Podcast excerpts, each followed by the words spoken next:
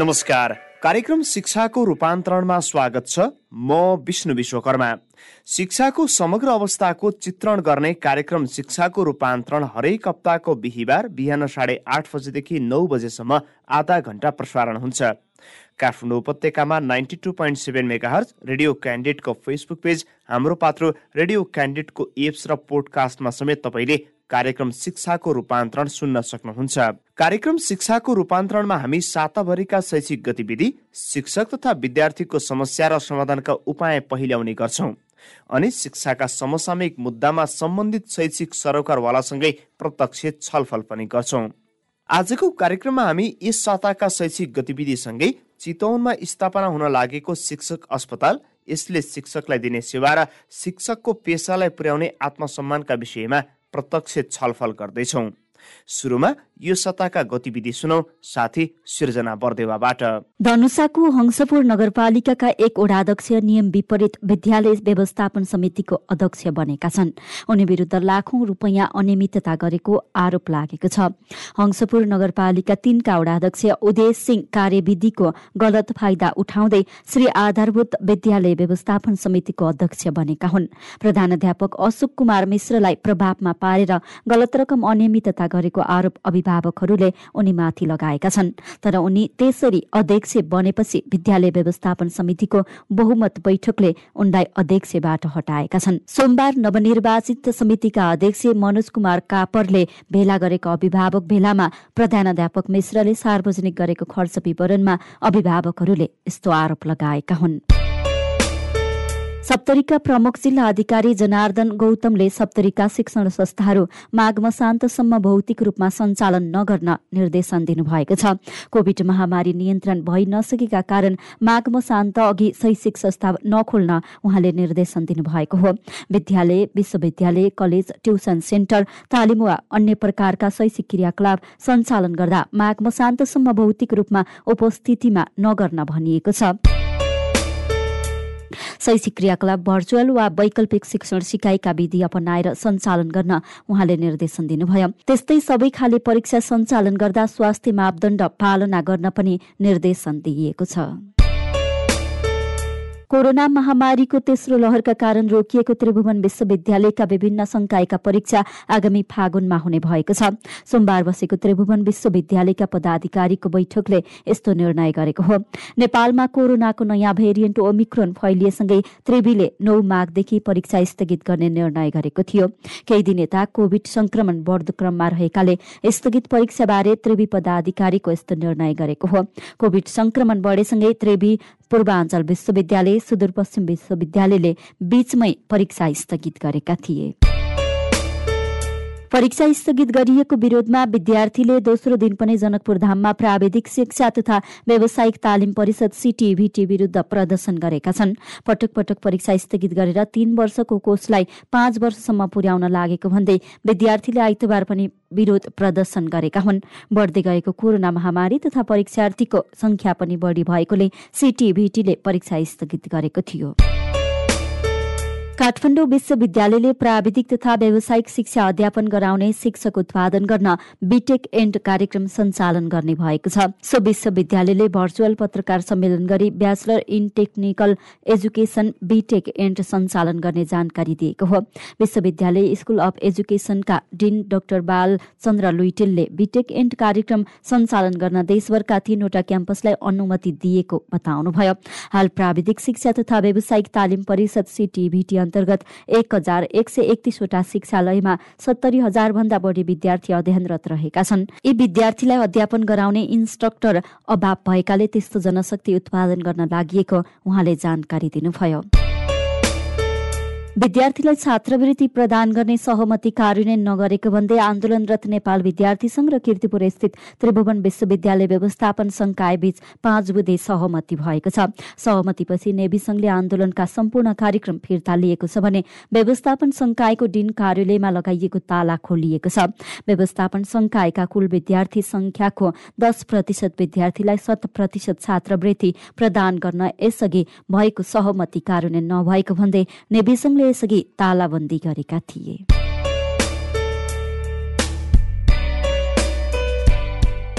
तपाईँ ninety two point seven mega हर्जमा radio कार्यक्रम शिक्षाको रूपान्तरण सुन्दै हुनुहुन्छ। शैक्षिक गतिविधिपछि अब लागौँ कार्यक्रमको मुख्य विषय वस्तुतिर सरकारले चितवनमा शिक्षक अस्पताल स्थापना गर्ने निर्णय गरेको छ। नेपाल शिक्षक महासंघ शिक्षा मन्त्रालयको सिफारिसमा मन्त्री परिषदको बैठकले चितवनमा शिक्षक अस्पताल स्थापना गर्ने निर्णय गरेको हो। चितवनमा शिक्षक अस्पताल निर्माण हुने भएपछि धेरै शिक्षकमा खुसियाली छाएको छ। तर अस्पताललाई शिक्षक र नागरिक मैत्री बनाउनुको साटो छुट्टी अस्पताल निर्माण गर्न खोज्नुले शिक्षक पेसाको महत्व र आत्मसम्मान बढ्ला त भन्ने प्रश्न पनि उठेको छ। सबै अस्पताललाई शिक्षक मैत्री र शिक्षकले सहजै सेवा पाउने ठाउँ बनाउनुको साटो छुट्टै अस्पताल निर्माण गर्न खोज्नुले शिक्षकभित्र पनि राजनीति बढेको हो कि भन्ने अर्को आशंका छ। यी र यस्तै आशंका तथा प्रश्नका बिचमा आज हामी नेपाल शिक्षक महासङ्घका पूर्व अध्यक्ष बाबुराम थापासँग शिक्षक अस्पताल निर्माणको उद्देश्यबारे छलफल गर्दैछौँ। शिक्षक अस्पताल निर्माणका लागि थापाले सुरुदेखि नै पहल थाल्नु भएको थियो। यसलाई कार्यक्रममा स्वागत छ थापाजी। धन्यवाद। पहिला त यो शिक्षामा पनि तपाईँहरूले लामो समयदेखि उठाउँदै आएको एउटा मुद्दा शिक्षक अस्पताल हुनुपर्छ भन्ने तपाईँहरूको पहिलेदेखिको माग थियो। अहिले सरकारले सम्बोधन गरेर मन्त्री परिषद बैठकले नै चितवनमा शिक्षक अस्पताल स्थापना गर्ने भन्ने निर्णय गरेको छ। कस्तो लाग्दैछ? तपाईँले अलिक चर्कोसँग यसको लबिङ थाल्नुभएको थियो त्यति बेलादेखि नै। हजुर धन्यवाद। वास्तवमा नेपाल शिक्षक महासङ्घले आफ्ना बत्तीस सूत्रीय माग राखेर लामो समयसम्म आन्दोलन गरेर सरकारलाई ध्यान आकर्षण गर्दा पनि हाम्रो कुरालाई ध्यान खासै रूपले नदिइसकेपछि हामीले पचहत्तर सालको मङ्सिर चौध गते एउटा केन्द्रीकृत आन्दोलन हामीले गऱ्यौँ झन् झन् तिस चालिस हजार शिक्षकहरूको उपस्थितिमा काठमाडौँमा एउटा भेला गऱ्यौँ। एउटा जुलुस सहित आमसभा गरेपछि त्यस आमसभाबाट त्यस जुलुसबाट सरकारको ध्यान आकर्षण भएर हामीलाई चाहिँ पुसको सत्र गर्दै वार्तामा बोलायौँ।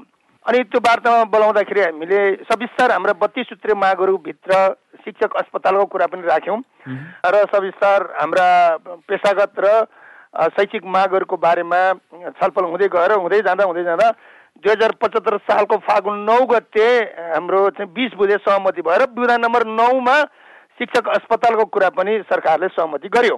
हामीले यो शिक्षक अस्पतालको कुरा हामीले किन उठायौँ भने होइन कर्मचारीको सेनाको छ प्रहरीको छ त्यसले गर्दा हाम्रो पनि होस् भन्ने मकसदले मात्रै उठाएको होइन। हामीले उठाएको कुरा के भने उहाँहरूको हस्पिटल चाहिँ केन्द्रीकृत रूपमा छ केन्द्रमा मात्रै छ। त्यसैले हामीले त्यतिखेर उठाएको कुराहरू सरकारले हामीसँग गरेको सहमति के हो भने बुदा नम्बर नौमा अहिले पनि स्पष्ट छ दुई हजार पचहत्तर साल फागुन नौ गते गरेको सहमति जहाँ सरकारका तत्कालीन सचिव तत्कालीन शिक्षा मन्त्री पनि उपस्थित हुनुहुन्थ्यो। हामीले हस्पिटलको बारेमा उठाउँदाखेरिको मुद्दा के थियो भने केन्द्रमा एउटा सुविधा सम्पन्न हस्पिटल होस् तर सातै प्रदेशमा पनि यसको ब्रान्चहरू अथवा सातै प्रदेशमा हस्पिटल शिक्षक हस्पिटलको स्थापना गरिनुपर्छ र त्यो हस्पिटलबाट विशेष गरी विद्यालय तहमा काम गर्ने शिक्षक विद्यालय कर्मचारी मात्र होइन विद्यालय तहमा काम गर्ने शिक्षक विद्यालय कर्मचारी जो रिटायर हुन्छन् रिटायर भइसकेपछि झन् उनीहरूलाई हस्पिटलको आवश्यकता पर्छ। त्यसैले त्यो शिक्षक हस्पिटल चाहिँ नाम शिक्षक भए पनि विद्यालय कर्मचारी विद्यालय तहमा काम गर्नेहरूलाई समेत चाहे इन सर्भिस होस् या रिटायरमेन्ट भएपछि पनि हुनुपर्छ भनेर हामीले कुरा गऱ्यौँ। सरकारले त्यतिखेर हामीसँग ठिक छ। तपाईँहरूको मागसँग हामी सहमत छौँ। निजामती कर्मचारीको हस्पिटल निर्माण गर्दा पनि हामीले विभिन्न सहयोगदाताहरू हामीले खोज्यौँ। चाइनाले पनि सहयोग गर्यो। त्यस्तै सहयोगी हातहरू हामी खोल्छौँ भनेर हामीलाई उहाँहरूले भन्नुभए भन्नुभएको थियो र हामीले सँगसँगै कुरा उठाए के भने शिक्षकको हस्पिटलको शिक्षकको नाममा हस्पिटल खोल्ने मात्रै कुरा होइन।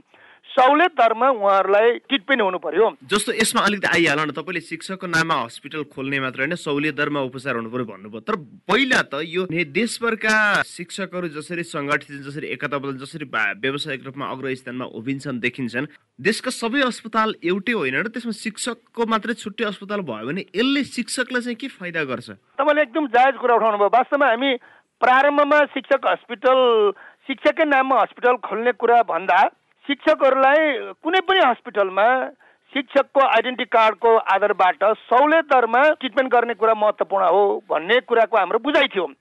अलिक अगाडि जुन बेला हाम्रो चाहिँ स्वास्थ्य मन्त्रीको रूपमा खगराज अधिकारी हुनुहुन्थ्यो उहाँसँग हामीले सविस्तार कुरा गऱ्यौँ र त्यतिखेर डक्टरको एउटा विज्ञ टोलीले पनि हामीलाई के सल्लाह दिएको छ भने होइन तपाईँहरू शिक्षकको नाममा हस्पिटल खोल्ने कुरामा किन जोड गर्नुहुन्छ? त्यसले त मैले तपाईँलाई स्पष्ट भनेको त्यसले त डक्टरलाई र अरू सामग्री निर्माण निर्मातालाई सहयोग पुग्छ तपाईँहरूले भनेको त जुनसुकै हस्पिटलमा भए पनि तपाईँहरूको उपचार चाहिँ सहुलियत दरमा हुने कुरामा जोड गर्नुहोस् न भनेर विज्ञहरूले पनि हामीलाई सल्लाह दिनु पऱ्यो हामीले यो नाम नाम चाहिँ शिक्षक पो भन्ने कुरालाई भन्दा पनि शिक्षकहरूलाई चाहे इन सर्भिस होस् या रिटायरमेन्ट भइसकेपछि उहाँहरूको अथेन्टिक आइडेन्टिटी कार्डको आधारबाट सहुलियत दरमा मुलुकभरिकै हस्पिटलमा हुनुपर्छ भन्ने हाम्रो प्रारम्भको बुझाइ हो। र हाम्रो माग पनि त्यही हो अहिले पनि त्यही हो।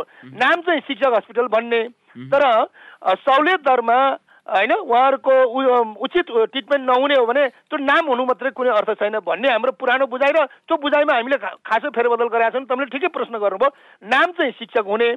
तर शिक्षकहरूले ट्रिटमेन्ट गर्ने सिलसिलामा चाहिँ खासै ढङ्गले चाहिँ सहुलियत नपाउने हो भने के हुन्छ भन्ने कुरा गर्नुभयो. यो बारेमा हामी सचेत छौँ. जस्तो जस्तो तपाईँले यति भन्दा चितवनमा अब सरकारले तपाईँले यो सचेत छौँ भनिरहँदा कस्तो भने सरकारले चितवनमा शिक्षक अस्पताल खोल्ने भनेर निर्णय गरिसक्यो अनि तपाईँहरूको एउटा समितिले शिक्षक महासङ्घकै एउटा समितिले चितवनमा यसरी यसरी अस्पताल खोल्ने भनेर खाका पनि सरकारले पेश गरिसकेका छ यसको अर्थ यसको अर्थ मैले मैले भन्दैछु यसको अर्थ तपाईँहरूले देशमा शिक्षाको गति उबलाउन जति योगदान दिनुभयो भन्ने दावी गर्नुहुन्छ अब आफ्नो छुट्टै अस्पताल भयो भने हामीले पुग्यो भनेर हाइसन्चो हुने मात्रै चिन्ता हो कि तपाईँले अरूले दिएको सुझावलाई पनि व्यवस्था गर्दै खालि शिक्षकको मात्रै मागल गाउने एउटा सोच हो। होइन तपाईँले ठिकै कुरा गर्नुभयो। वास्तवमा शिक्षकको नाममा खोल्ने हस्पिटलबाट हाम्रो सबै मागहरू हाम्रो सबै सरकारहरू शिक्षासँग सरकारहरू टेरिमेन्टसँग सरकारहरू पुरा हुन्छ त्यस्तो कुरा हुँदैन।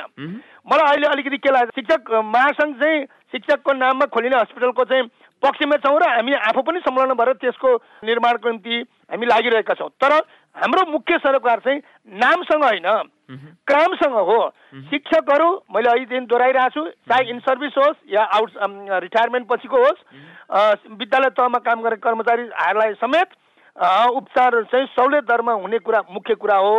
हामी हाम्रो सरकार स्वास्थ्यको निम्ति जति छ हाम्रो ट्रिटमेन्टको निम्ति जति हामीले सरकार राखिरहेको छौँ हामी त्यत्तिकै मुलुकको शैक्षिक सुधारको निम्ति शैक्षिक गुणस्तरता कायम गर्नको निम्ति शिक्षकहरूलाई उत्प्रेरित गर्ने शिक्षकहरूलाई मोटिभेस मोटिभेसनल ढङ्गले अगाडि लाने काममा पनि ध्यान देऊ सरकार। र हामी ट्रेड युनियनको मात्रै कुरा गर्दैनौँ शैक्षिक सुधार सक्दाखेरि रूपान्तरण सकिने रूपान्तरण एज ए होल गर्ने कुरामा हाम्रो मात्रै भूमिकाले पार लाग्दैन। तर सुधार हाम्रो तर्फबाट सुधार गर्ने काममा हामी तत्पर छौँ। तर शिक्षकलाई मोटिभेसनल ढङ्गले तिमी नीति लिएर आऊ पनि भनिरहेको छौ। त्यसैले तपाईँले जुन कुरा उठाइरहनु भएको छ यसमा म गम्भीर रूप लिएर विशेष ढङ्गले मेरो ध्यान आकर्षण भइरहेको छ र आज पनि हामी अलिअलि छलफल गरिरहेछौँ नाम शिक्षकको नाममा हुने हस्पिटल भन्दा पनि शिक्षकहरूलाई आवश्यक विद्यालयमा काम गर्ने कर्मचारीलाई आवश्यक सुविधा सम्पन्न ढङ्गले विभिन्न खाले रोगहरू लाग्दाखेरि ट्रिटमेन्ट गर्ने कुरा महत्त्वपूर्ण कुरा हो। नामको मात्रै महत्त्वपूर्ण कुरा हो। होइन केन्द्रीयकृत रूपमा चितवनमा खोल्ने हस्पिटल ओके विभिन्न नाममा खोलेको छ भने शिक्षाको नाममा खोल्ने कुरामा कुनै अर्गनलाई गर्न जरुरी छैन। तर सरकार के हो भने ट्रिटमेन्ट सुविधाजनक ढङ्गले हुनु पर्यो। चितवनमा हस्पिटल हामीले शिक्षकको नाममा खोलियो। दार्चुलामा एउटा शिक्षक चाहिँ एक्सिडेन्ट भएर भयो। कुनै पनि खालको एक्सिडेन्ट भयो अथवा दीर्घ रोग लाग्यो भने उसलाई ल्याएर यहाँ चितवनमै ल्याएर ट्रिटमेन्ट गराउने सिलसिलाले त कति उसको आर्थिक व्यवहार त झन् थपिन्छ आर्थिक मात्र ज्यानै जान सक्छ। हो त्यसैले सातै प्रदेशमा खोलिनुपर्छ भन्ने हाम्रो मुख्य कुरा छ। यसमा दुईटा कुरा आयो। पहिलो कुरा शिक्षक जस्तो पेसा जो हरेक विद्यार्थी हरेक मान्छे पहिला शिक्षकको सिकाइबाट मात्रै ऊ त्यो पेसामा पुग्ने हो। नेता होस् डक्टर होस् इन्जिनियर होस् वा शिक्षक नै किन नहोस् अब यो भन्दा तपाईँले भोलि तपाईँले अहिलेकै शब्दमा कोही दुर्घटना भयो भने पनि अब उनीहरू त्यहाँको अस्पतालले पनि शिक्षक अस्पताल लैजाऊ भनेर सोझै रेफर गर्ने एक किसिमले विभेद गर्ने स्टाइल यो सोच संरचना पनि बन्न सक्छ। त्यसैले देशका हरेक अस्पताललाई शिक्षक मैत्री बनाउन चाहिँ तपाईँहरू किन हिचकिसिएको होइन एकदम ठिक भन्नुभयो। कि वास्तवमा प्रारम्भमा हामीले उठाएको कुरै थियो। अहिले पनि त्यो कुराबाट हामी खास डेरल भएको छैन तर विभिन्न नाममा हस्पिटल खोल्दाखेरि शिक्षकको नाममा खोल्ने हस्पिटलको बारेमा त हामीले सही नै गर्नुपर्छ भनेर लागिरहेको हाम्रो सरकार भनेको एउटा हस्पिटल शिक्षकको नाममा खोल्ने कुरा मात्र महत्त्वपूर्ण कुरा होइन। महत्त्वपूर्ण कुरा भनेको शिक्षकहरू चाहे सर्ट टर्मको रोग लागोस् चाहे लङ टर्मको रोग लागोस् इन सर्भिस या रिटायरमेन्ट पछि उहाँहरूलाई ट्रिटमेन्ट गर्ने कुरा सुविधा सम्पन्न ढङ्गले ट्रिटमेन्ट गर्ने कुरा सहुलियत ढङ्गले ट्रिटमेन्ट गर्ने कुरा महत्त्वपूर्ण कुरा त्यसको निम्ति नामको मात्र हस्पिटल होइन कुनै पनि जेनरल हस्पिटलहरू सरकारी हस्पिटलहरूमा शिक्षकहरूको आफ्नो आइडेन्टिटी कार्ड विद्यालयमा काम गर्ने शिक्षकहरू विद्यालय कर्मचारीको आइडेन्टिटी कार्डको आधारबाट सहुलियत ढङ्गले उपचार दिने कुरा महत्त्वपूर्ण कुरा हो। नाम खोल्ने तर त्यो नाम नाम नाम अनुसारको हामीले सुविधा नपाउने भने त्यो नामले मात्रै केही गर्दैन। अहिले अहिले पनि निजामतीको नाममा हस्पिटल छ होइन? अब त्यहाँ निजामतीका साथीहरू पनि के भन्नुहुन्छ भने हामीले जुन ढङ्गले अपेक्षा गरेका छौँ त्यस्तो त भइरहेको छैन भन्ने उहाँहरूको प्रारम्भिक टिप्पणी हामीसँग सेयर गरिनु भएको छ। त्यसैले त्यसैले शिक्षक हस्पिटलको बारेमा हामी पोजिटिभ भएर हामीलाई आएको हामीले मागै उठाएको हो।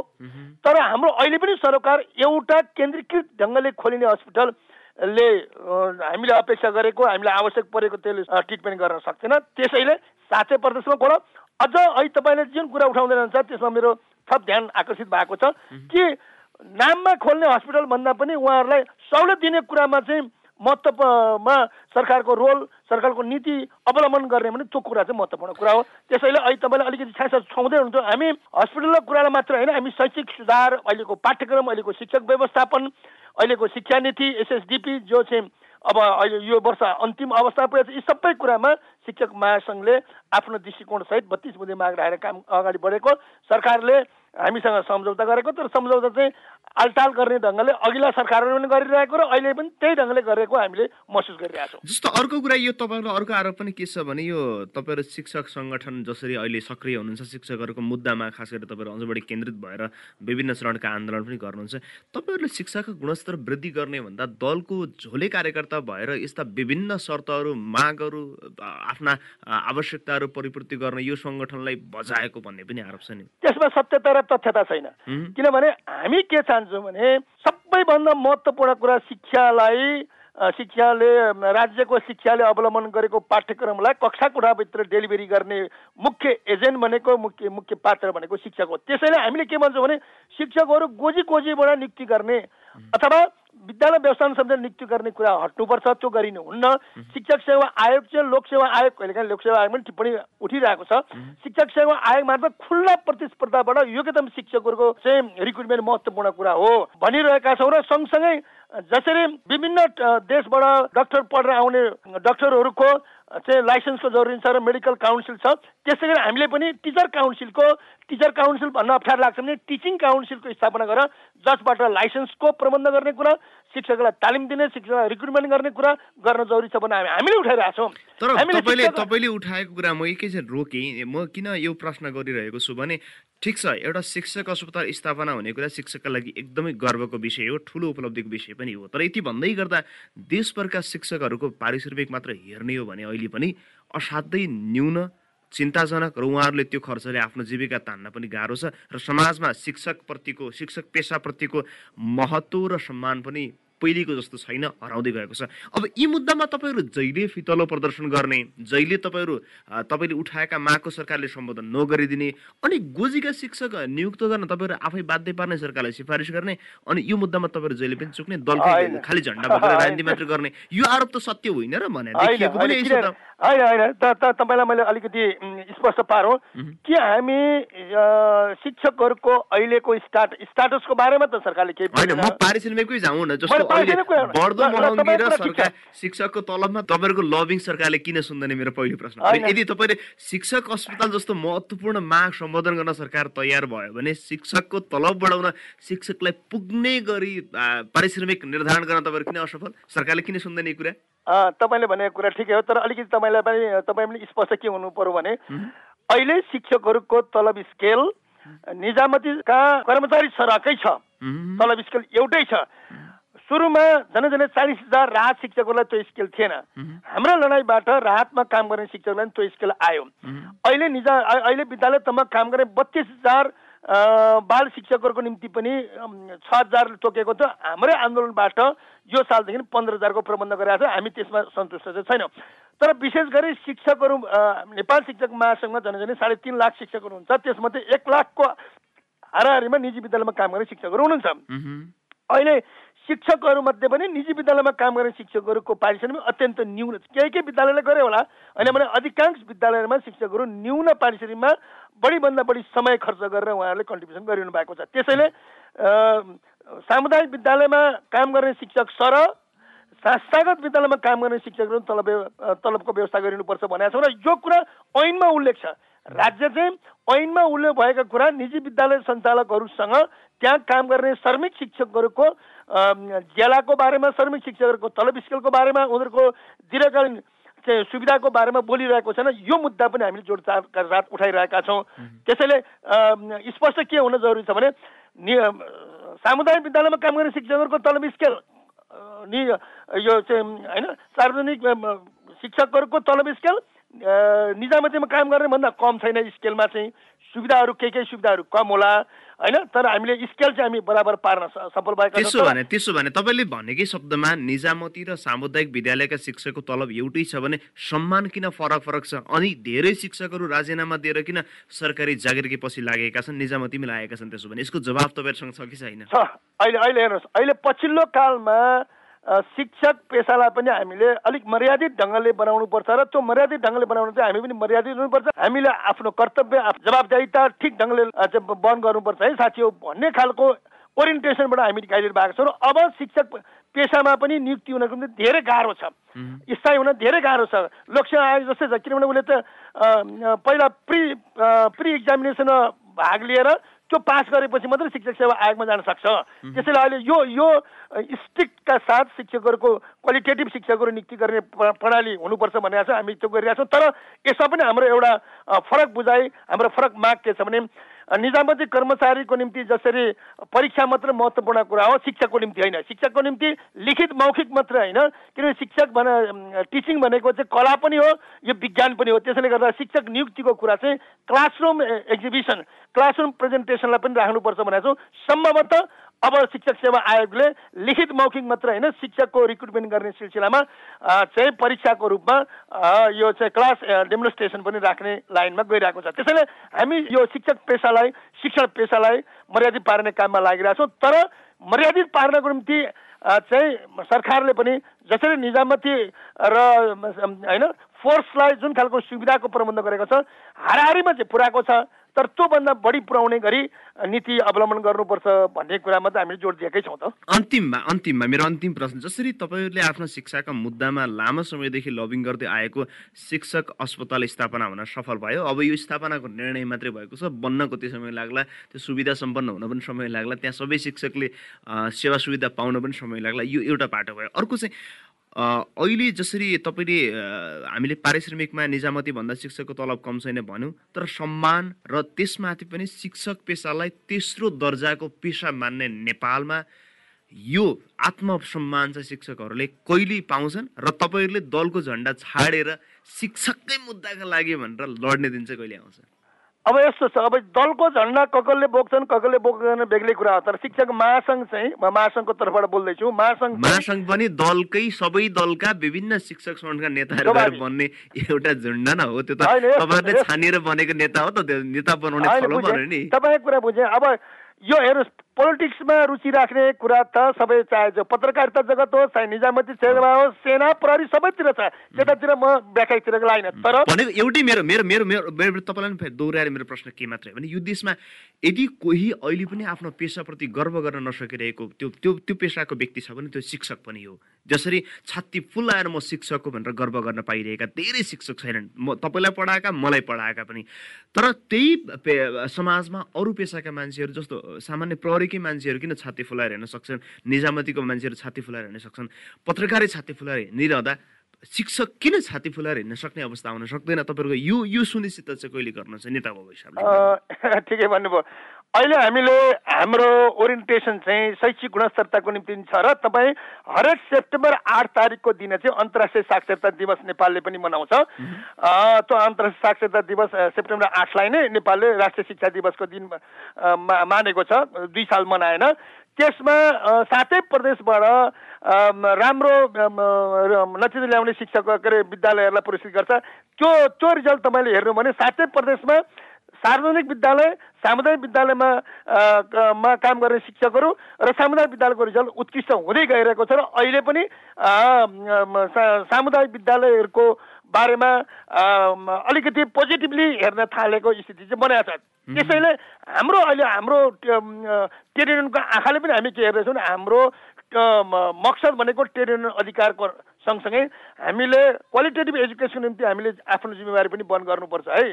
ट्रेड युनियनिजम र पर्सनालिजम दुइटै कुरालाई हामीले सँगसँगै लानुपर्छ है भन्ने कुरा गर्छौँ त्यसैले तपाईँले भनेको कुरामा अलिकति हामी शिक्षक समुदायले पनि आफ्नो मर्यादा कायम गर्ने तवरबाट गतिविधिहरू सञ्चालन गर्न जरुरी छ। नम्बर एक भने नम्बर दुई चाहिँ शिक्षकहरूलाई औपचारिक कार्यक्रमहरूमा शिक्षकलाई फुलाउने काम हुन्छ तर शिक्षकहरूलाई मर्यादित र व्यवस्थित गर्नको निम्ति उनीहरूलाई प्रोत्साहित गर्ने काममा सरकार पनि चुकिरहेको छ। सरकारको ध्यान त्यता जाओस् र यसको मर्यादालाई मर्यादित ढङ्गले अगाडि बढाउँछ जस्तो भनौँ न तपाईँलाई। कतिपय देशहरूमा शिक्षकहरूबाटै तपाईँलाई के हुन्छ त भन्दाखेरि निजामतीमा लान्छ ती भुटानमा शिक्षक समुदायबाट शिक्षा सचिव बनाउने प्रचलन छ। हामी त्यो खोजिरहेका छैनौँ। हामी शिक्षकहरू चाहिँ निजामतीमा जान पाऊँ हामी त्यसो भन्दैनौँ। हामी के भन्छौँ नि नीति निर्माणमा पाठ्यक्रम निर्माण गर्ने ठाउँमा राष्ट्रिय परीक्षा बोर्डमा अनौपचारिकमा कहाँ कहाँ हुन्छ?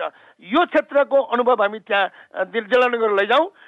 त्यो अवसर हामीलाई पनि प्राप्त होस् भन्ने कुरा गरेका छौँ त्यसैले तपाईँले भन्नुभएको कुरामा अलिकति मर्यादा कायम गर्ने कुरामा हामी शिक्षक समुदाय आफै पनि जिम्मेवार भएर अगाडि बढ्न जरुरी छ भने त्यसका लागि चाहिँ तपाईँहरूले राजनीति छाड्नु पर्यो दलको झन्डा बोक्न छाड्नु पर्यो भन्ने माग पनि छ फेरि। होइन टेन कक्षा कोठाभित्र कुनै शिक्षकले राजनीतिको झन्डा बोकेर मार्क्सवाद लेनिनवाद जनताको बौद्धले बाहिर पनि नबोके नि कक्षा कोठामा बोक्नै परेन विद्यार्थीलाई थाहा पाइहाल्छन् बाहिर पनि तपाईँले बोक्न छाड्नु भयो भने यो सम्मान यसै पनि बढ्छ। उसै पनि शिक्षकको सम्मान चाहिँ तपाईँले भनेको कुरा ठिकै छ तर हामीले बुझ्दा के जरुरी भने युनियन अधिकारका पाँचवटा अधिकारभित्र के के पर्छन् भन्ने कुरा सोध्नेले पनि बुझ्नु पर्यो व्यक्तिगत रूपमा त्यो छ क्या तर ग्लोबल विश्वव्यापी रूपमा अमेरिकामा बेलायत हामी युरोपको उदाहरण दिन्छौँ त सबैभन्दा राम्रो शिक्षकको सम्मान कहाँ छ भने त्यो युरोप नै छ अमेरिकामै छ। त्यहाँ किनभने एउटा शिक्षक देशको नेता जन्माउन सक्छ भने त्यो शिक्षक पहिला त पेसाप्रति वफादार भएर पहिला आफ्नो पेसालाई त उच्च सम्मानमा राख्न सक्नु पर्ने तपाईँले दलले बनाए जे कुरा पनि मान्ने तर आफ्नो पेसालाई चाहिँ दलले बनाएको जे पनि कुरा हामी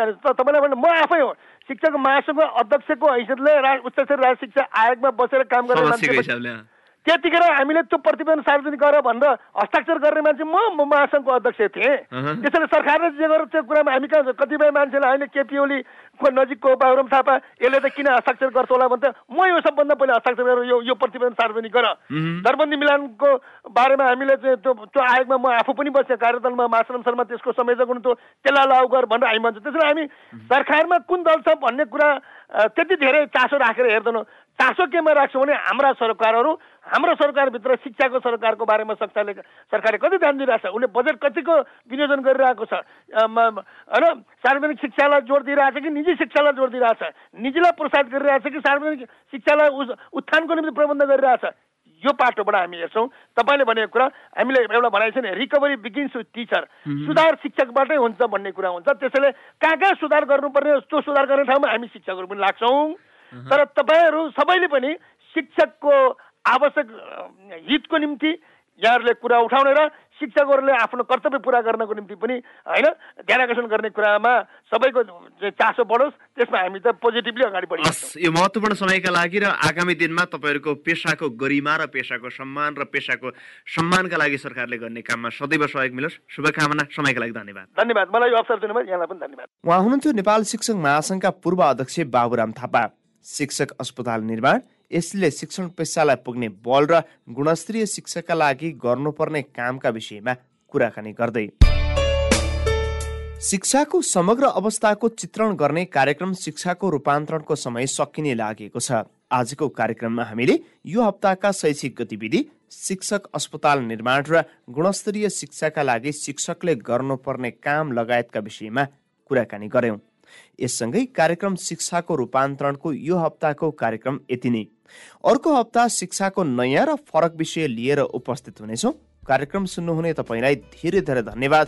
कार्यक्रम उत्पादनमा सहयोग पुर्याउने सशिन्द्र गौतम सिर्जना भुजेल र सिर्जना बर्देवासँगै म विष्णु विश्वकर्मा पनि कार्यक्रमबाट विदा हुन्छु। नमस्कार।